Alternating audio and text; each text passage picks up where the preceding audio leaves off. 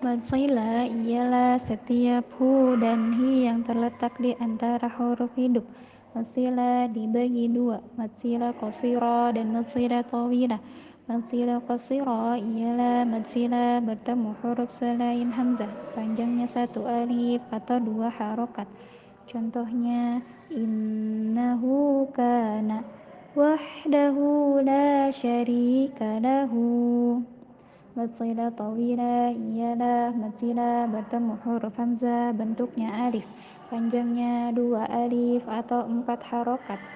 Zohrihi inna malahu akhladahu.